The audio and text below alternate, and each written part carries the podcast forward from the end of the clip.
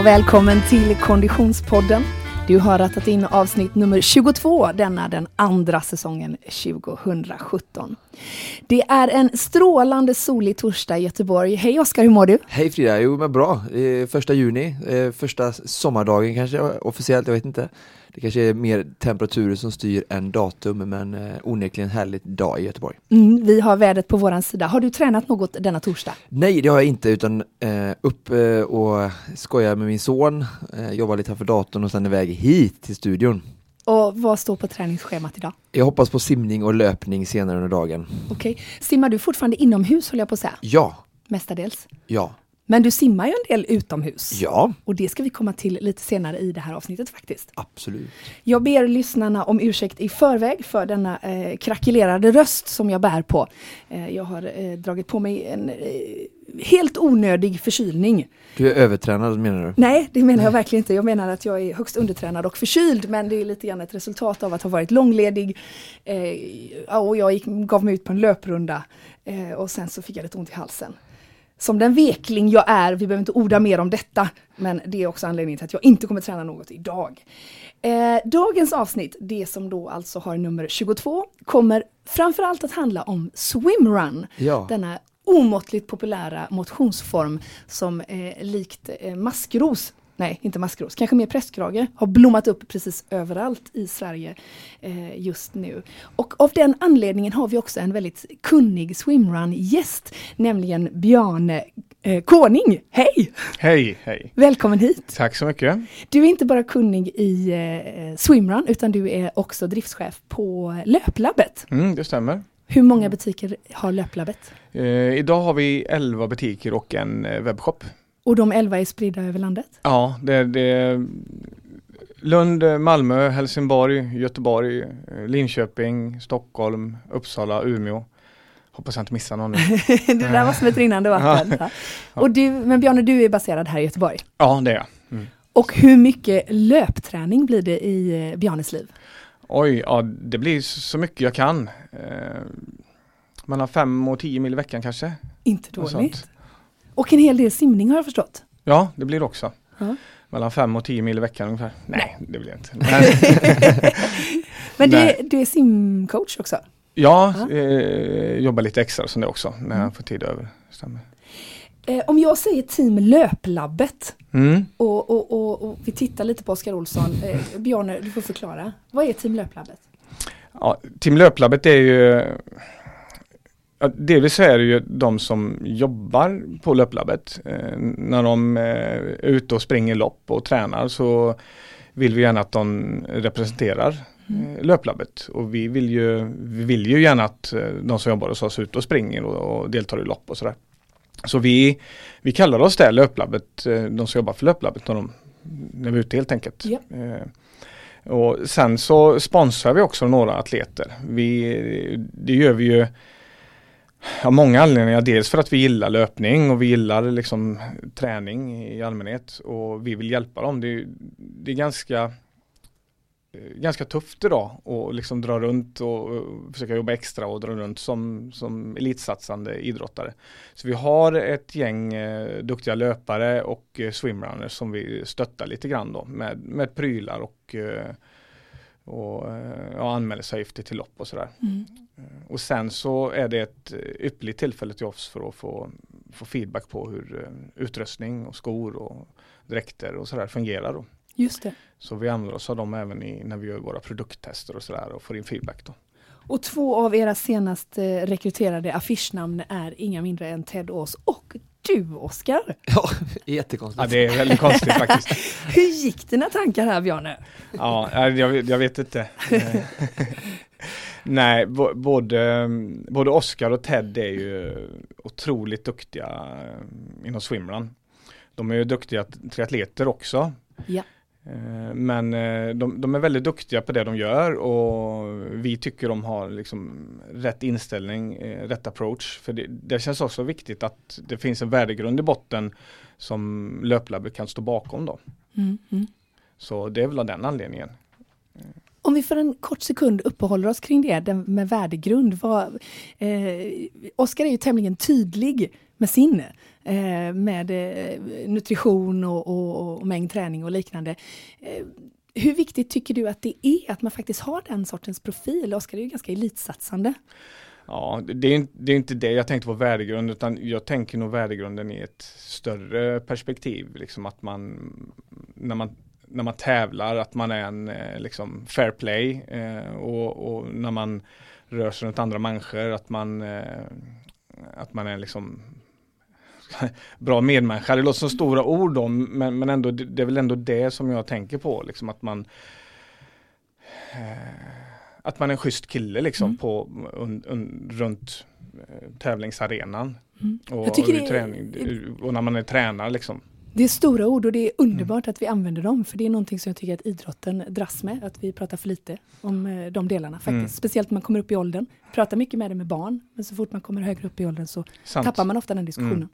Sen om, om, alltså, om, om någon i Team Löplabbet bara vill äta korv eller bara vill äta liksom, grönsaker, det, det det spelar ingen roll, liksom, känner jag. Eh, utan det, det, är nog i det större perspektivet. Liksom. Mm. Sen så ja, givetvis då det, att, att de liksom älskar löpning och älskar träning men, men, det är ju liksom en självklarhet i det här fallet då i och med att det är det de håller på med. Såklart. Och Ted han, han äter inte bara korv utan han dricker bara te. Eh, så det håller han, han, han, håller han fit, han dricker varken kaffe eller alkohol. Men, men på tal om Ted, och han, det är väl ingen som kan vara en bättre förebild för den här värdegrunden utan Ted är ju en triathlonlegend eh, och alla jag någonsin träffat eh, har, har ju bara gått att säga om Ted. Eh, otroligt alltså, ödmjukaste kille jag träffat och sådär så att eh, ja, eh, jätteroligt. Eh, han...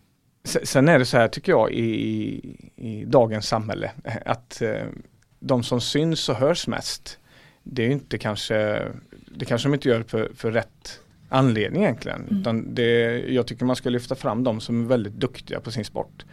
Eh, om vi tittar på de elitlöparna som vi hjälper, det, det de kanske har liksom eh, en ett par hundra följare på Instagram liksom och, ja. och, och, får inte alls den uppmärksamheten de förtjänar. De är otroliga atleter, eh, gör, eh, springer fantastiskt bra. De lägger ner sin själ i sin löpträning. De tränar uppåt 20 mil i veckan. Liksom de lever och andas löpning i det, liksom, i det tysta. Ja. Och, jag tycker man ska, jag, jag personligen blir väldigt inspirerad och, av deras deras liv och hur de tränar. Och, och det är samma lite grann med, med, med Ted.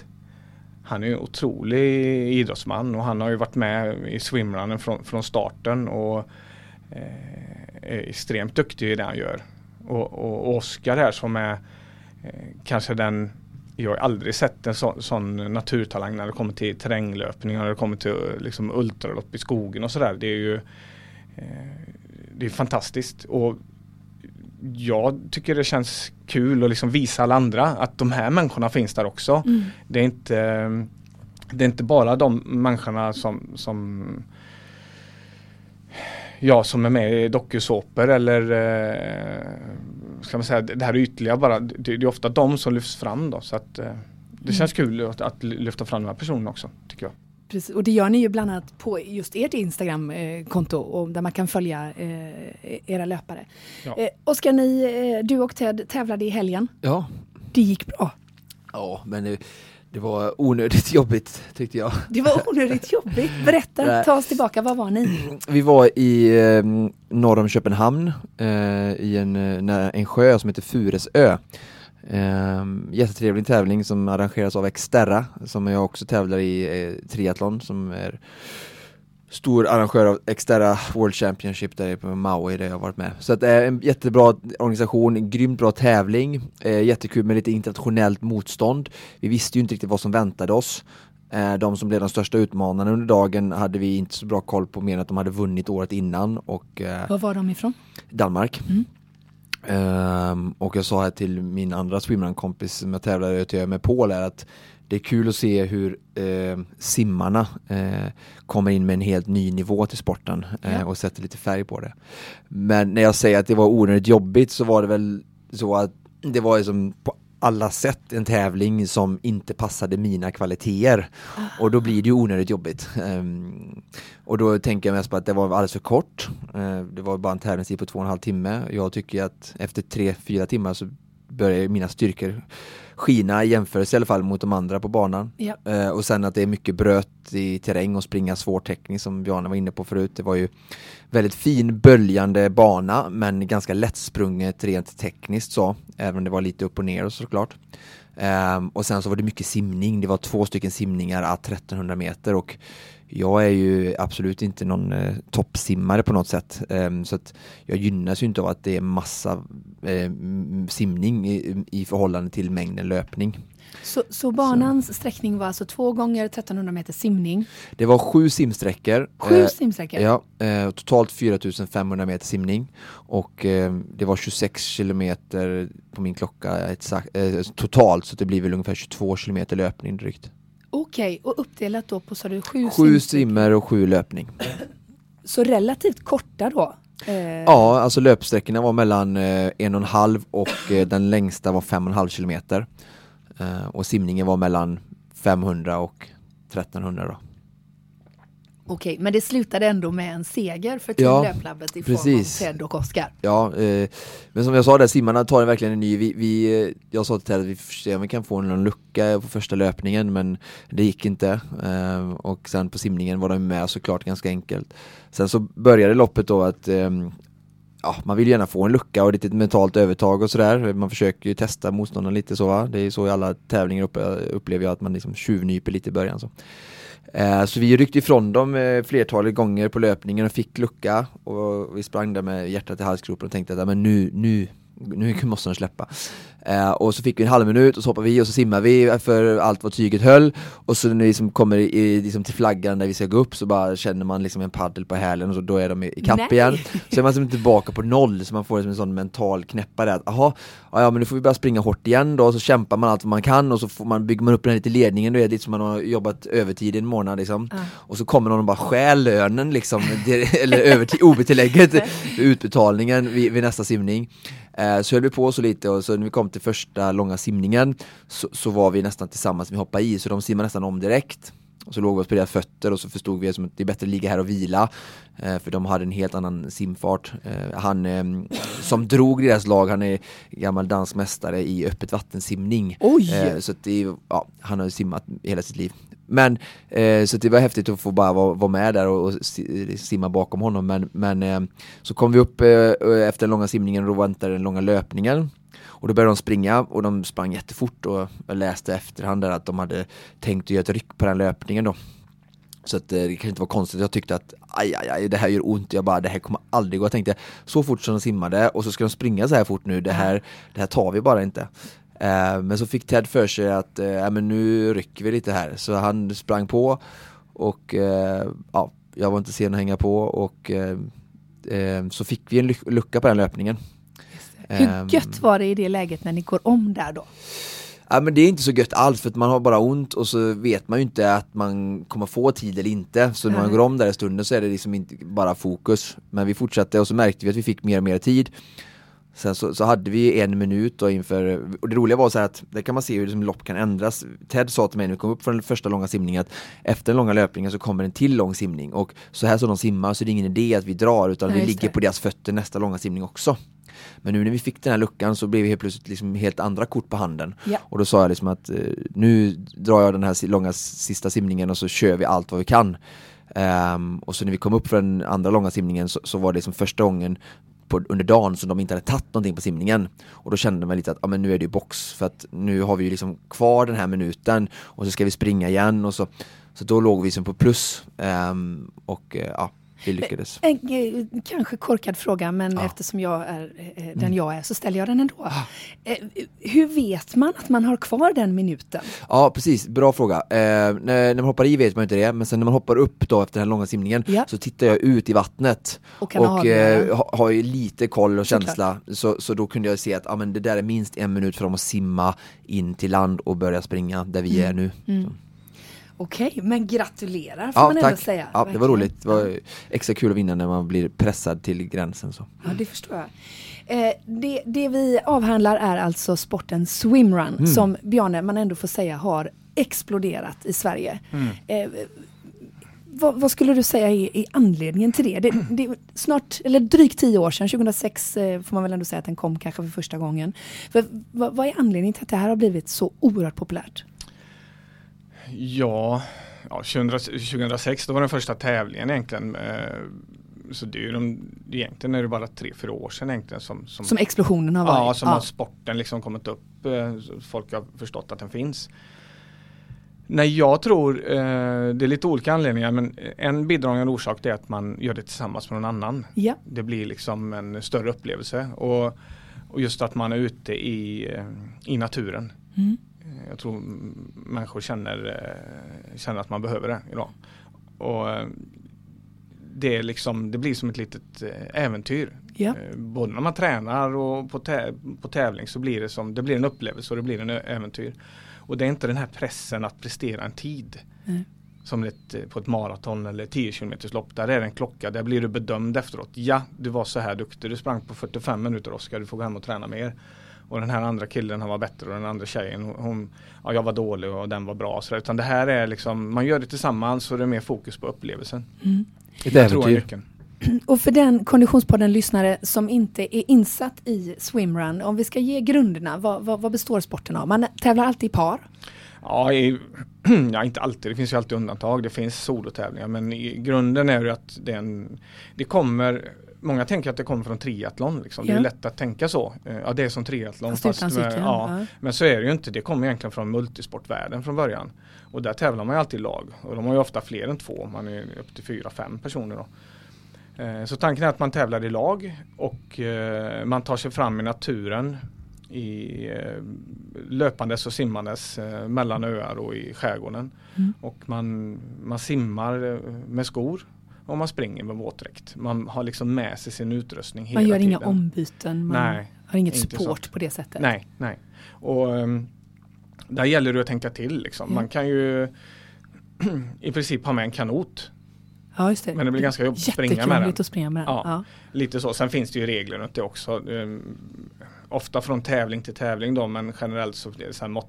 Det får inte vara för stora flyt. Ja, men man har ju till eh, exempel sett att paddlarna på händerna nu Ja det får man ju eh, ha. ser Det är man ju på alla vanligt. nu. Ja, mm. Och det, det är väl bara no några år sedan som det blev mer Nej det har varit, eller? nej det har nog gått till, alltså första åren när tävlingarna gick då kom ju folk springande med luftmadrasser. Oj då, ja Ja, och de första tävlingarna så tyckte man det här är så farligt så att då hade folk flytväst på också. just det. Du kan ju tänka dig att simma med det, med Ja. våtdräkt och flytväst. Liksom. Det är krångligt. Ja, det är det är väldigt nästan krångligt. lite kanotvarning på det. Ja, typ. Eh, och, och, och de här luft, men nu, nu är det inga luftmadrasser då, men så handpaddlar har varit med från början. Ja. Eh, Jag tänkte sen- mig att det blivit kanske mer allmängiltigt idag. Ja, det, det, alltså utrustningen idag det är att man har ett, något flytredskap som man har mellan benen Mm. för att kompensera för att man inte får så effektiv benspark i simningen när man har skor på. Och Exakt. sen har man eh, handpaddlar då för att det går fortare att simma med det Mm. i de flesta fallen.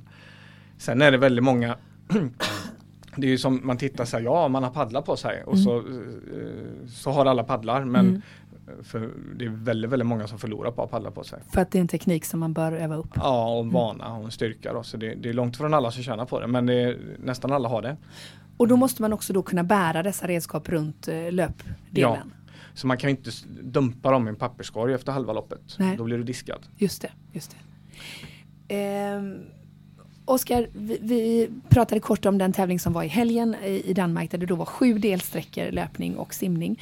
Eh, finns det några liksom, eh, kutym, brukar det vara så många eller det hur ser ett Nej. swimrun-test ut? Det, det finns Eller inte alls utan det, det, är, det är en bandragning som är upp till eh, tävlingsarrangören att, att göra och det, det, det första så vill de ju göra den så Eh, alltså varierande och spektakulär som möjligt, att man ska passera fina miljöer och att det ska vara varierande, du hoppar i, det finns ju, alltså man springer ofta med våtdräkt så det är ju det är bra att det blir simning emellan löpningarna eh, ganska kontinuerligt så att man får svalka av sig lite och, och som sagt, eh, man vill inte ha för mycket löpning och inte för för, för lite simning utan hitta en bra balans där och sen ja, göra en bra, bra bana helt enkelt. Där det, så att med öloppet eh, som jag har kört några gånger, där är det säkert en eh, 13-14 löpningar och en, ja, det är samma simningar. Så det, beror, det Men kan ju Öloppet, vara, berätta om det.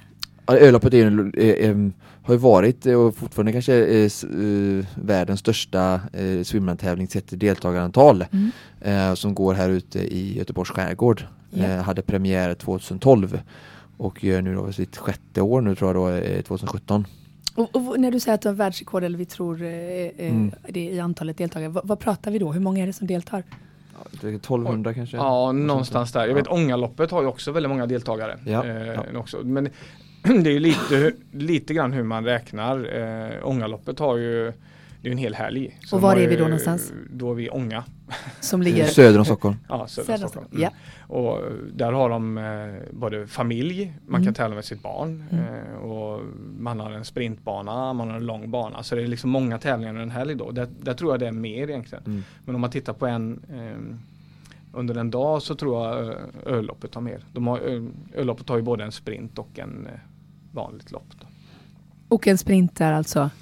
Ja, det är väl ungefär hälften så långt va? och lite Ja, mindre lite simning. Det, tanken är väl att det ska vara en, ett insteg liksom. Eh, och man är lite rädd för det här. Eh, Jättelång. Ja. Löp, den långa är typ 34 km traillöpning och 5800 meter simning och eh, sprinten är typ eh, 3000 meter simning och kanske 20 km löpning, ta- give or take. Mm. Mm. är det så mycket simning Ja, 3000 meter. Ja.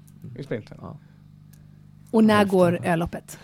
Eh, 5 augusti. Och vad är din och eh, Ted Ås ambition i, i, i år? Nej, jag har ju vunnit den tre gånger och Ted två så eh, vi vill ju gärna försöka göra så bra vi kan för att komma så nära den positionen som möjligt. Det, det, det får vi verkligen hoppas. Ja, vi, vi, vi, eh, vi kommer befinna oss där ute en del i sommar eh, och eh, träna tror jag på banan som vi gjort tidigare. Så det, är väldigt fint där ute. Vi kommer då att gå in lite senare i det här avsnittet på vad för slags utrustning som man eh, kan behöva och kanske framförallt vad man ska ha på fötterna. Men, men vi har berört några olika lopp. Vad har vi mer för lopp i framförallt Sverige under, under sommaren? Ja, vi kan inte sluta, vi kan, måste ju prata om Ö till Ö som Såklart. är liksom huvudloppet. Mikael Lemmel och Mats Skott eh, som, som är, ska man säga, de som, som är, kommer från multisporten, eh, som har ett fint track record och varit väldigt framgångsrika multisportare, var ju de som satt inne på en krog eh, och eh, i, i, Stockholms skärgård och skojade att man skulle ta sig mellan Utö och Sandhamn. Ehm, och så gjorde de det som ett fyllevad och så ja, testade de det själv 2004-2005 där någon gång.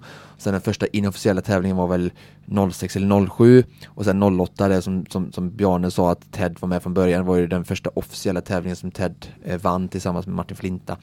Eh, så, så de två startade ju, alltså enligt mig begreppet swimrun. Sen eh, var det en annan tjej eh, vid namn Erika tror jag som, som döpte själva sporten till swimrun då, alltså Just det. koncept eller namnet.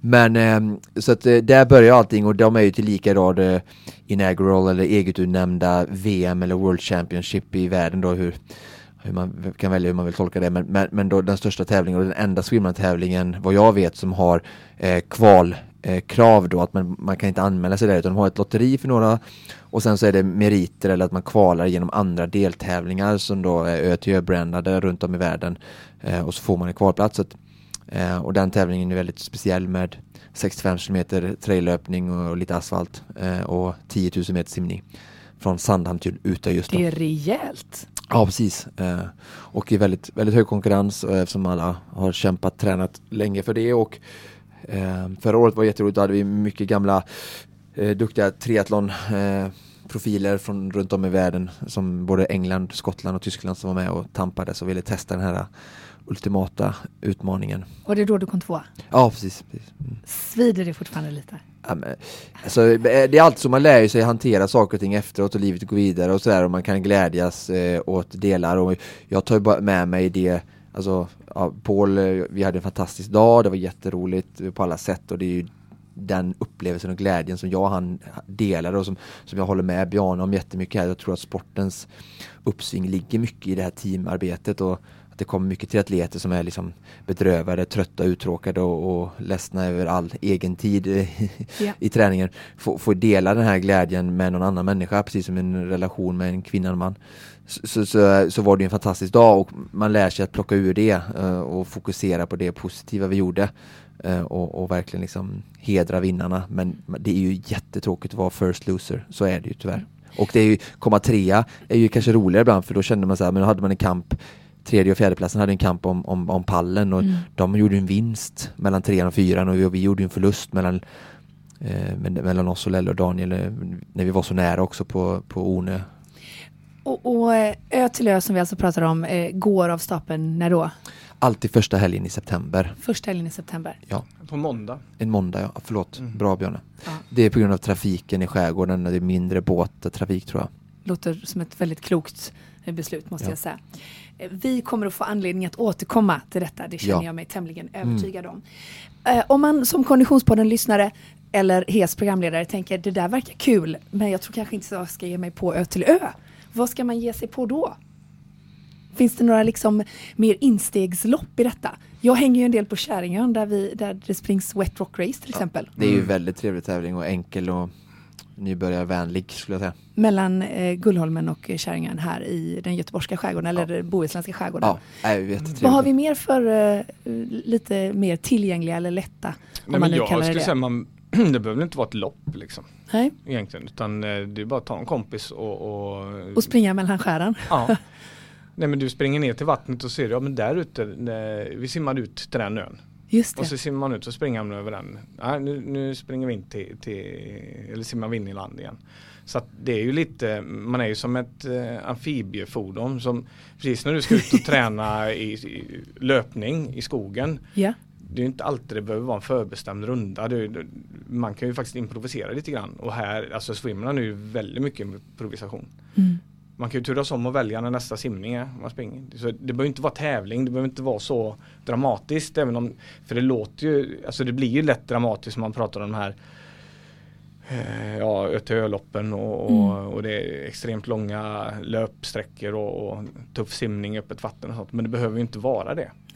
Samtidigt så tänker jag att tävlingsincitamentet kan ju också vara det som för många av oss tidspressade nutidsmänniskor Absolut. är det som får det att faktiskt genomföra. Ja, men nu behöver vi förbereda dig annars så blir det inte så så kul på tävlingsdagen. Och hur förbereder man sig bäst då? Vad, vad för slags träning rekommenderas för att man ska, om det så bara är en familje eh, swimrun aktivitet som ska göras, hur förbereder man sig bäst? Ja, eh, det som Bjarne pratade om, det, var, det är väldigt bra för att lära sig det här um, att eh, eh swimrunbanor har en tendens liksom att byta skepnader hela tiden och det blir som eh, väldigt mycket liksom spontana nya saker som man inte är förberedd på om man säger så till skillnad på om man springer på en 400 meters löpbana. Så det är bra och nyttigt att göra det i ett lugnt makligt tempo men sen om man vill förbereda sig på ett bra sätt eh, så handlar det om att verkligen träna specifikt och för att det inte ska bli för mycket liksom så här, aha, vad ska jag nu någonstans och det blir massa stopp och avbryt i träningspasset om man bara har en timme sen Då skulle jag rekommendera att man, ta, man kan åka till närmsta sjö. Yeah. Och så bara målar man ut i huvudet själv liksom en, en runda där. Jag simmar över till den sidan, jag springer ett varv runt sjön och sen simmar jag över den på samma ställe. Och så kör man så runt, runt, runt på en, liksom en, en enkel varvbana. Så man vet, liksom, jag kör fram och tillbaka här så det blir intervallikt. Man kan liksom stanna innan varje simning och, och, vila och sen kör man igen så det blir som en intervallform. Men att man liksom nöter det här simma, springa, simma, springa. Eh, jag kände det nu när det var första tävlingen för säsongen att kroppen inte fastän jag ändå har tränat, försöker göra på mitt center med stakmaskin och löpning så är det ännu det här liksom att öva, simma, direkt löpa, simma igen och flytta eh, precis, blodet. Eh. Jag märkte speciellt efter den här långa sista simningen i tävlingen när jag verkligen simmade för allt vad tyget var. För jag tänkte så här, bara, jag låg bara och tänkte paddla, teknik, teknik, teknik och vad det är Anna-Karin, simcoachen som jag tränar och har lärt mig och så det bara, de ska inte få ta in, de ska inte få ta in. Jag bara låg där och vevade allt jag hade. Ja. Så när jag springa så innan så hade jag varit lite starkare på löpningen men den här löpningen så, var det så, så, så kände jag bara att nästan att jag fick liksom, eh, hålla igen Ted lite för jag hade så mycket blod så jag hade, liksom, man får sån syra i benen då för att de, de liksom, det hinner inte syresätta ändå för mina tuttar var blodsprängda med fem liter blod liksom och det var en halv deciliter i benen. Nej, skämt åsido. Men, men, det är en speciell känsla att ha jobbat i liggande position ja. och så ställa sig upp. Mm. Alltså pulsen går ju på liksom Ja, men Ja. alltså, jag Direkt tänker bara så. när jag har legat simmat tusen meter i bassängen som en morgonträning. Bara det gör ju att när jag ställer mig upp så är jag lite yr i huvudet. När du ska gå in till bastun du ta en Nej, paus. det gör jag inte. Jag har inte gått in till bastun, men jag Men det- stressar Ja, iväg och så jobbar. det, det är väldigt så, och med simningen, i den långa simningen innan, då hade jag och Ted då liksom legat på fötterna på Ja. de här då. Så att den som ligger på fötter, den får en helt annan resa för den behöver inte kämpa på samma sätt. Det vill Eh, säga åker med i strömmen bakom Exakt, för den som ja, inte har gjort det. inte där. så, och då har man inte, tar man inte i lika mycket med armarna, då blodfylls det inte lika mycket där Nej heller. Eh, så då är det lättare att springa. Så att, så att, att och det, jag brukar alltid säga ju hårdare man tränar på träning, ju behagligare blir det på tävling. Och Så är det med Vätternrundan också. Alltså, ju, ju mer mil du kan trycka, ju trevligare upplevelse får du runt sjön, även om du inte ska liksom ha några prestationskrav. Och samma sak här, att försöka att, att simma ganska hårt och så springa och så simma hårt och så en enkel bana, du känner dig trygg i vatten och det är lätt att liksom upprepa de här bytena 5, 10, 15 gånger beroende på hur långt det är. Va?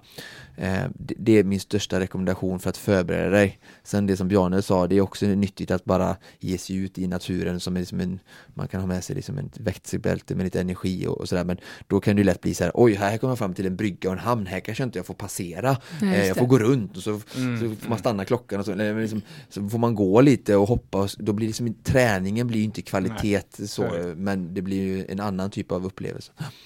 Men det gäller ju att man, man känner, känner till området och har lite koll givetvis. Eh, sen kan man ju titta, det är många som tar fram liksom sjökort och tittar på Mm. innan och planerar Ja. liksom, ja men här vilken härlig miljö liksom. Så, Tekniken, man kan ju vara jätteambitiös. eh, Mm.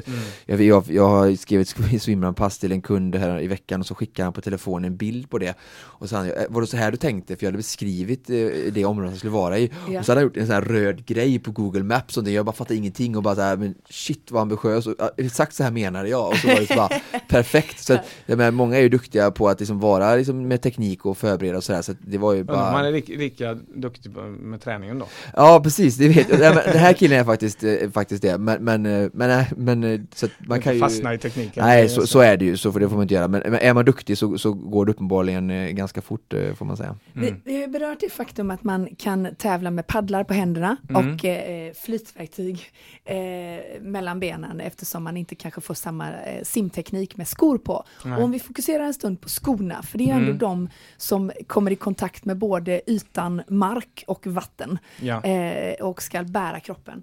Eh, jag vet att Löplabbet har genomfört ett swimrun-test med eh, Oskar Olsson i spetsen.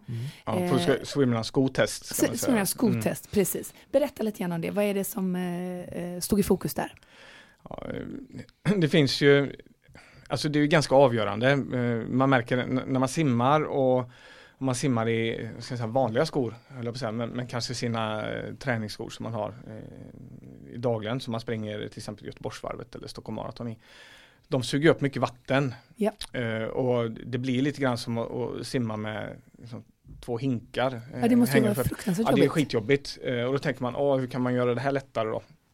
Och så, det finns en väldig osäkerhet där ute. Vad, vad, vad ska jag ha då? Vad, Mm. vad, hur ska jag tänka? Och det är inte bara det när man simmar, sen ska du springa i dem också. Så det kan ju inte vara, alltså det bästa eh, skon att simma med det är ju inte att ha någon alls. liksom. Jag skulle just säga det. Ja, men det, det, det blir ju ganska slitet att springa också på vassa klippor och sådär. då. Exakt. Så det skapar ju väldigt många olika frågor och vi får väldigt mycket frågor i vår butik eh, om detta och då är det ganska mm, härligt att kunna ge svar på dem. För jag tänker att, att få ett bra grepp, framförallt Mm. på hala klippor som jag ser Mm. framför mig, jag refererar till Wet Rock Race, Ja. som ju är just blöta klippor av en anledning, Mm. eh, som, som man ju åtminstone som småbarnsmamma har eh, förmanat sina barn eh, otaliga gånger kring att springa på, spring inte på hala berget. Nej. Och det är precis det man gör.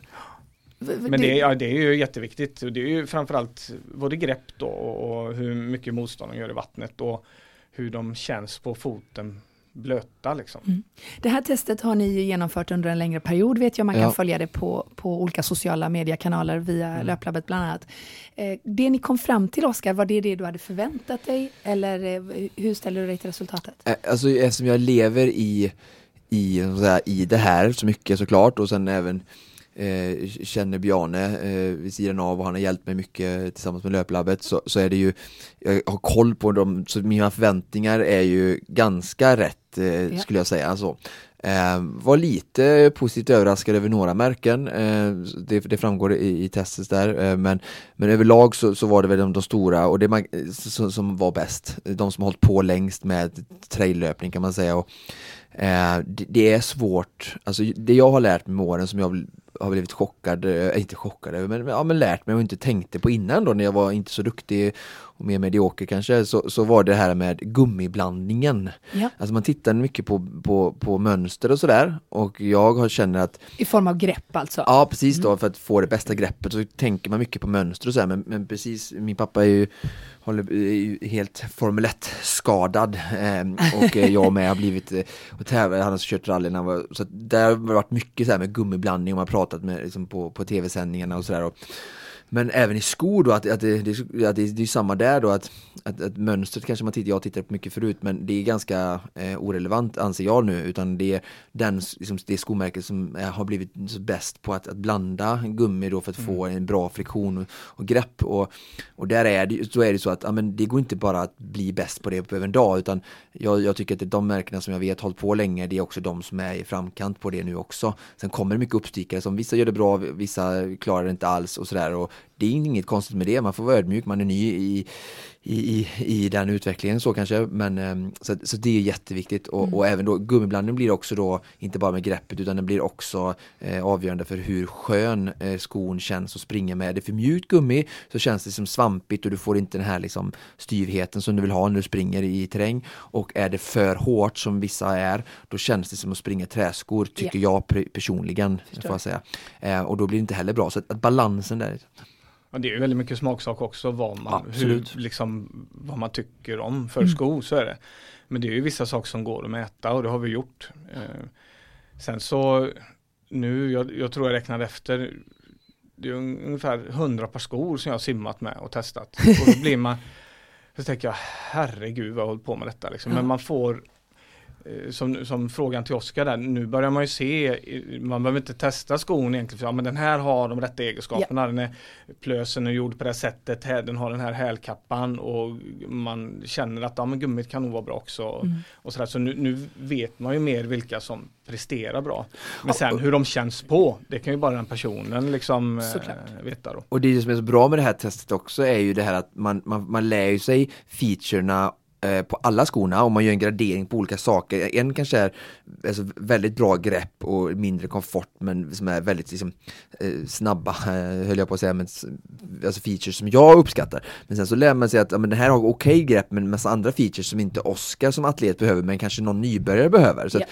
Det blir väldigt mycket, de som gör det här testet då får ju väldigt mycket kunskap med sig eh, och som de sen kan liksom sprida till eh, ja, kunder eller sådär. Liksom. Mm, så att, det är väldigt, väldigt viktigt att man att rätt person, så att bara för att jag har valt en sko så betyder inte det att den passar alla. Såklart, men så är det ju med, med alla ja, test. Ja. Om man som Konditionspodden-lyssnare blir nyfiken på vad man kan ta del av resultatet, vart vänder man sig då Bjarne? Då, då klickar man in på eh, Löplabbets hemsida mm. och så um, klickar man sig vidare på Åh, oh, vad står det? Info inspiration tror jag den fliken heter och då finns det en flik som heter produkttester där. Spännande. Då kan man titta på eh, förra året så lite trailskotester också om man vill. Mm, avslutningsvis innan vi lämnar eh, eh, swimrun skotest. Eh, om man nu då ska ge sig på, kanske ska vara med i ett eller kanske till och med två lopp i sommar. Man har kommit fram till att nej, mina gamla löpardojor kommer vara som två hinkar vatten bakom mig när jag simmar. Det är ingen bra idé. Jag ska investera i ett par eh, swimrun skor. Kan man använda dem till även annan form av träning? Swimrun-skorna? Ja. Um, ja absolut, så det är ju nu är jag ju lite skadad detta då, men jag tycker ju att ett par löpskor det, det Jag tycker man ska ha flera par. Jo jag förstår det. Jag men jag man ska ett par, jo men en swimrunsko och en trailsko det är ju precis samma sak. Så, så man kan alltså springa i skogen med ja, dem? Löpträna på hösten utan att hoppa i havet? Så egentligen, ja. det är man, man har en distanssko, man har en intervallsko och så har man en trailsko. Och trailskon är ju också swimrunskon. Det, det är liksom standard. Så idag, så du, du har ju nu snart eh, ett, ett par ehm, eh, distansskor men vi ska även titta på trailskor till dig under sommaren här. En sak i taget, gode herr Oskar Olsson. Eh, avslutningsvis, detta det 22 avsnittet. Vad, eh, om ni två eh, eh, unikum i swimrun-världen får sia om framtiden, hur ser swimrun-världen ut eh, eh framöver? Har vi nått piken i denna lätta hysteri kring att simma och springa? Alltså jag tycker att det ibland, det kan, så mycket saker nu i samhället så kan ju saker och ting liksom ta lite för stora proportioner, det ska gå så himla fort. Alltså, och, och, det är samma sak, alla sådana nya saker som kommer, som det blir en för snabb utveckling så tror jag det kan bli sportens fall eller liksom mm. akilleshäl också. Yep. Så att jag vill uppmana att, att folk att ta det med ro, eh, liksom skaffa ett par skor, ut och se det som träning. Man måste inte tävla eh, sönder sig hela sommaren och göra allting nu så att man blir så mätt. Utan som att ease into it. Men, men alltså, så jag hoppas att, att sporten ska få leva vidare och växa vidare för att det är så himla roligt att kunna göra konditionssport i lag. Det är så ovanligt. Jag menar, friidrottarna älskar finkampen. Ja. Jag, jag, känner, eller jag ja, känner till det här liksom, att, att de gör det och pratar med dem att de älskar finkampen för att få tävla som ett lag men annars är de alltid ensamma. Och med, så det är så många konditionsidrotter som är ensam, ensam, ensam och det är samma sak Jonathan Bromley som är triatlet, han älskar när de kör i sådana här eh, superlag som de har ibland, de får hjälpas åt och, och sådär. Så så jag hoppas verkligen för konditionsidrottaren att, att, sporten ska få fortsätta finnas kvar. Sen kanske det inte kommer bli som fotboll och det har jag full respekt för. Men den är en sån trevlig motionssport, det är ett äventyr precis som multisport. Liksom att få multisporten till motionären, till Svenssonfamiljen som, som gör det ute vid sommarstugan och, och har det som en trevlig motionsform. Alltså, det finns så mycket fördelar med den så jag hoppas verkligen att den ska få, få liksom, lugna ner sig lite, fortsätta växa så att den hinner med eh, få till det här med som vi pratade om med rätt utrustning och sen hitta sin rätt nivå och, och ja, så kan vi stå där bara i den där swimrun. Eh. swimrun-familj. Ja. Ja, man, är, man är lite orolig att det blir den här som eh, musiken liksom. En hit, hitlåt som kommer och klättrar snabbt, den faller ganska hårt också. Mm. Mm, men jag tror ju inte det, men jag, jag, jag tror att swimrun kommer göra att eh, öppet vattensimning kommer komma, eh, bli, växa och bli populärare. Jag tror även att eh, liksom, äventyrssport överhuvudtaget som multisporter så här kommer växa också. Yeah. Så jag hoppas att eh, swimrun liksom hittar sin plats där, mm. verkligen. Bjarne Koning, det var en ära att ha dig som gäst och jag hoppas att du har rätt i ditt ja, siande om swimrun. Tack. Blir det några lopp för din del i sommar? Ja, det kommer det bli. Jag är inte jätte... Ja, Öloppet har jag bokat. Sen ska jag... Eh, jag ska springa, eh, springa simma Vansbro 10 000. Eh, Oj vad jobbigt. Ja, det kommer något mentalt jobbigt och någon maratonlopp och sådär. Men okay. det, det, jag försöker ta det lite på uppstuds. Det behöver inte vara så jätte uppstyrt. Liksom. Man kan uh, hålla lite spaning efter en uh, Team Löplabbet uh, rygg kanske där ute. Ja då, ja. Jag, jag, hoppas det finns många. Det är skönt det med swimrun-sporten att den inte är så stor än är att så man behöver inte som Göteborgsvarvet hänga på låset. Just det. Utan man kan bara, men nästa, om två veckor går en, en tävling så finns det alltid plats att anmäla sig oftast. Det låter bra. Eh, detta, mina vänner, får summera detta det 22 avsnittet av Konditionspodden. Jag som pratar heter Frida Zetterström och jag säger hej då. Hej då Frida. Hej då. Och Konditionspodden produceras som vanligt av Freda, Connecting Brands with People.